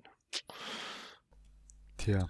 A zapowiedzieli Blizzów jakiś nowy tryb Sorry. będzie do Division 2. No Czekasz, właśnie liczę. No jeżeli będzie Survival, to oczywiście ja cały czas trzymam Znaczy, kciuki i że Ma to być będzie... całkowicie nowy, więc to raczej nie Survival. się ale- jebią na I jeszcze tak z rok musisz na niego Ja, poczekać. ale to cały, to cały czas Ubisoft wydawał ten komunikat, więc równie dobrze może to być survival. To, co No, Ubisoft to uważa za nowe, to nie do końca musi być nowe.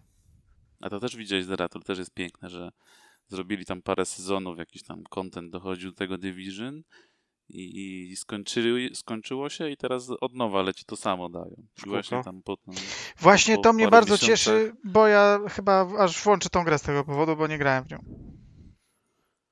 Ja bym włączył jakby no, nowy glitch na wieżyczkę był. To było... Te sezony są strasznie słabe Blizu, to tak wiesz. No ale pograć można, wiadomo. Nie no, znaczy ja chcę głównie jakąś tam przebiec się przez kampanię, nie będę siedział w endgame'owo grał Division. Yy, W jedynce, kiedy już grałem, to grać się za bardzo nie dało, poza faktycznie fajnym survivalem, to tam nic... Eee, No i z drugiej strony, mimo że to samo słabe jest to, że powtarzają ten sam content, ale z drugiej strony, no jakoś tego FOMO unikają, tak? Fear of missing out, że jak ktoś nie grał tam, Mhm, nie wiem, mhm. ten pierwszy sezon rok temu, czy tam ile to było, półtora temu, no to teraz sobie może wrócić do gry i zdobyć rzeczy, które wtedy były do zdobycia, no. Jakaś korzyść z tego To jest jeden aspekt, a drugi to jest ten, że przynajmniej można w dalszym ciągu grać w tą grę, ponieważ alternatywa, idąc tokiem rozumowania Bungie, to by było wyciągnięcie wtyczki ze wszystkiego, więc... Oj, oj, oj tam. Dzieci wyciągnęli Oj, coś poza kampanią. porównanie. Ciężkie porównanie, bo jednak Division i content to wiesz, Ale nie, dość, nie możemy mieć dwa razy kącika Destiny w jednym odcinku. Starczy. A tak czy inaczej, Adam, co grałeś? Grałem trochę w Bleeding Edge. Uff. Uuu. mecze jeszcze znajduje. Znajduję. Znajduję, ale jest to absolutnie... wbijałeś. Je, jeszcze jestem w trakcie, nie, nie wbiłem celaka. E, to, A to jakoś mają zamknąć niedługo, tak? Że Nie, tam... Znaczy, Znaczy- już wsparcia nie będzie, o zamknięciu serwerów nic nie Okej. mówili, ale już nic nie będą tam rozwijać, zmieniać, balansować, po prostu będzie to funkcjonować tak, jak funkcjonuje teraz. nie wiem, ja mam przedziwne wrażenia z tej gry, bo ja tak, nigdy nie grałem w takie jakieś hero-based rzeczy. Nigdy nie grałem w żadne mobopodobne rzeczy, więc jestem absolutnie przerażony tym, jak dużo zależy od teammateów, których nie mam, w związku z czym gram z randomami, co powoduje, że jest to jedno z najgorszych przeżyć growych, jakie kiedykolwiek miałem. Ta gra jest też na PC. Nie wiem, czy jest crossplay, ale wydaje mi się, że tak, ponieważ ludzie nie mają headsetów, a wydaje mi się, że na konsolach chyba by jednak mieli headsety w większości. Oj, nie, nie, to nie teraz. Myślisz, że nie? Teraz to, to już rzadkość, że ktoś gra z headsetem. No jest to. mm, Przez to jest to bardzo. mm, Bardzo dziwne. No to jest. Ja generalnie wychodzę z założenia, że można w gry wygrywać i można gry, w gry przegrywać, w zależności od tego, z kim nas matchmake'uje. Ale takie wyniki rzędu 52 to mi się często nie trafiają. E, Żeby nie było tak. I i po jednej, i po drugiej stronie potrafię być tej 50 i tej dwójki. E, to ponieważ nie mam z kim grać, to gram z randomami. Randomy są absolutnie pozbawione jakiejkolwiek komunikacji, a w grze, której, w której trzeba się trzymać non-stop razem, żeby jako takie mieć szansę, jest to porażające. Ale generalnie nie jest, nie jest to fatalnie spędzony czas, ale na pewno nie jest też jakoś fantastycznie. Ja też tam pograłem w to w sumie tyle, żeby calaka bić, bo był dość prosty. I też pamiętam, że te mecze albo było, nie było wyrównanych meczów, albo były jednostronnie, że się wygrywało, rozbijało się przeciwników, albo się przegrywało. Po prostu albo gra, graliśmy razem, wszyscy się trzymali, mimo że z randomami grałem, albo każdy biegał, robił sobie co tam chciał i się przegrywało. No, to jest. A jak się, w to się gra tak, że wy- ten, może inaczej, jakie, jakie są tryby? Bo w Overwatchu możesz albo grać tak, że wybierasz sobie postać, czy tam no, bohatera, którym nakurwiasz, ale są też takie tryby, że losuje ci y, po każdym respawnie postać. No, Nie, nie, znaczy to tutaj jest bardzo, bardzo- bardzo wybierasz, a po, equalizer. po śmierci możesz go zmienić oczywiście, a tryby są, że albo przejmujesz punkty, albo tam jakieś fiolki się zbierało i odnosiło do... Tak, do, do, do, do Są dwie fazy, jakby tak. W jednej fazie się zbiera przedmioty porozrzucane po, po mapie, które twoja postać niesie, w związku z czym, kiedy na przykład zginiesz, to one z ciebie wypadają, może podnieść się ktoś inny. E, No i w drugiej fazie włączają się takie miejsca, gdzie trzeba pójść i je po prostu zdeponować. I, e, Czyli taki capture the flag, gdzie ce, cel twojej flagi się zmienia po czasie, tak? E, no ten Capture the Flag, ja bym tego nie porównał do Capture the Flaga, bo tych rzeczy jest bardzo dużo, to znaczy tych przedmiotów do podniesienia na mapie jest, nie wiem, powiedzmy 20. E, Okej, więc okej. w zależności od tego, yy, yy, znaczy to jest akurat spoko taki tryb. Ja, to, to nie jest tryb, który ja jakoś mi się z nowymi grami szczególnie mocno kojarzy, e, ale, mm, ale jest generalnie całkiem spoko jest w nim pacing, tylko no oczywiście znowu zależy z kim grasz i zależy jaka jest drużyna i, i co się dzieje, bo to jest gra, w której bardzo łatwo jest się rzu- rzucić kontrolą o, po, o, o podłogę nie dlatego, że coś ci nie wyszło w mechanice, tylko dlatego, że po prostu grasz z debilami, którzy po prostu pojechali oglądać zupełnie co innego i nie zajmują się tym, co To jest trzeba. problem, problem małego, małej społeczności, nie? Po prostu jak mało ludzi gra, to y, świadomość tego, jak należy grać i szansa, że trafisz na kogoś, kto potrafi w to grać jest znikoma. Znaczy dla mnie To przede wszystkim nie sposób którą- bez komunikacji w to grać. No, to, to nie jest. yy, To nie jest tak, yy, nie wiem, w różne rzeczy mi się, które są super teamowe, wydaje, zdarza mi się grać online bez komunikacji, tak? Zdarza mi się raz na jakiś czas yy, zagrać z kompletnymi randomami mecz w, mm, nie wiem, w Rainbow Sixa. Grę, w której jest naprawdę ciężko, i będąc samodzielnym e, mm, całkowicie odciętym od innych graczy, jako tako sobie poradzić. Tak, to oczywiście możesz coś tam, jeśli robisz rzeczy sensowne, czyli takie, które, y, które przybliżają was do, do zwycięstwa, jest jak gdyby sensownym, sensownym graniem. Zabudowujesz te ściany, które trzeba, mądrze wykorzystujesz skille swojego operatora, tak, to to, to wszystko, nie wiem, dobrze strzelasz. To to ci mimo wszystko pozwala jako tako przybliżyć was trochę do celu, nawet jeśli nie jesteś w bezpośredniej komunikacji z innymi ludźmi i nie wybieracie na przykład tych operatorów w taki sposób, żeby mieć z nich jakąś tam największą synergię. Tak czy inaczej, jeśli tego nie ma i, i każdy robi coś sobie, to w Rainbow Sixie można na mógł zrobić setki razy więcej, niż jeśli sam będziesz próbował grać w, w Bleeding Edge, tak? Bo to, że nie ma za tobą healera, który de facto powoduje, że możesz wygrać każdy mecz, powoduje, że będziesz co 3 sekundy umierał. Umrzeć można bardzo szybko, chyba że masz kogoś, kto ci pomoże i będzie cię healował na przykład. Jak tej osoby nie ma, albo ta osoba wpada na pomysł, że teraz będzie najbardziej ofensywnym z graczy, to jest w zasadzie pozamiatane. Striggeruje cię trochę. Dlaczego w takim razie nie skorzystasz z opcji LFG na konsoli Xbox, żeby szukać sobie graczy do gry i grać z nimi wspólnie i bawić się fantastycznie zespołowie? Nie wiem, czy kogoś znajdzie w LFG tej gry. Ale czy próbował? Nie próbowałem, bo nawet nie wiem, w jaki sposób miałbym ci pomóc.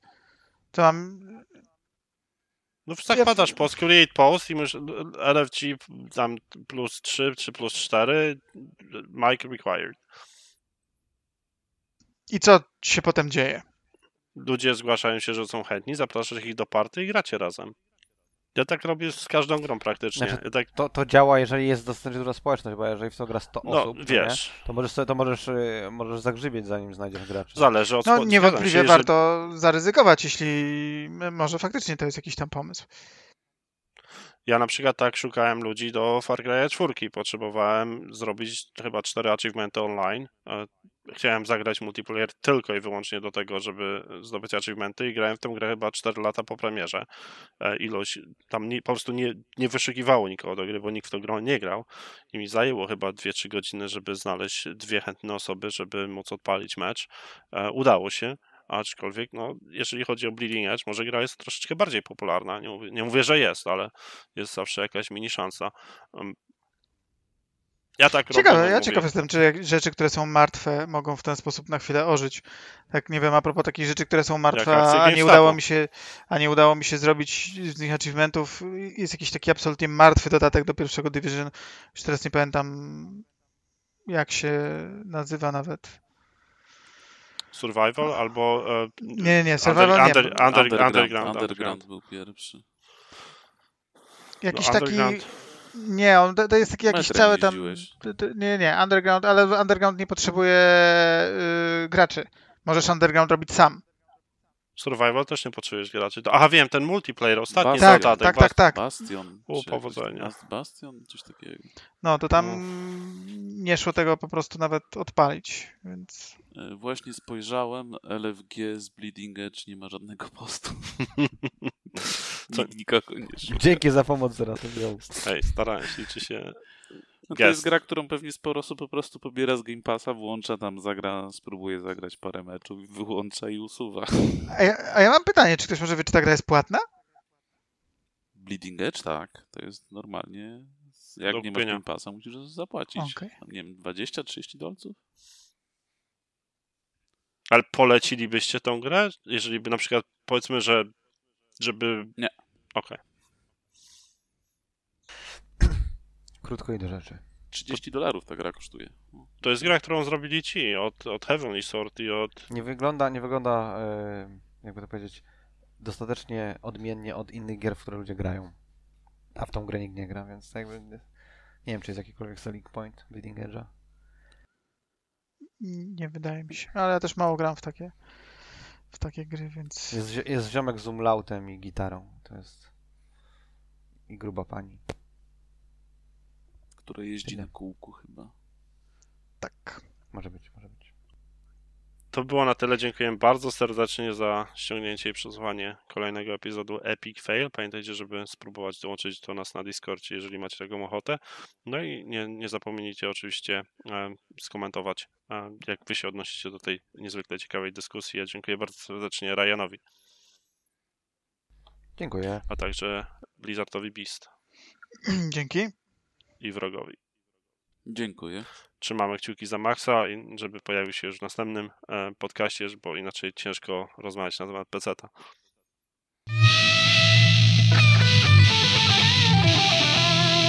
Maybe you should play Epic Fail.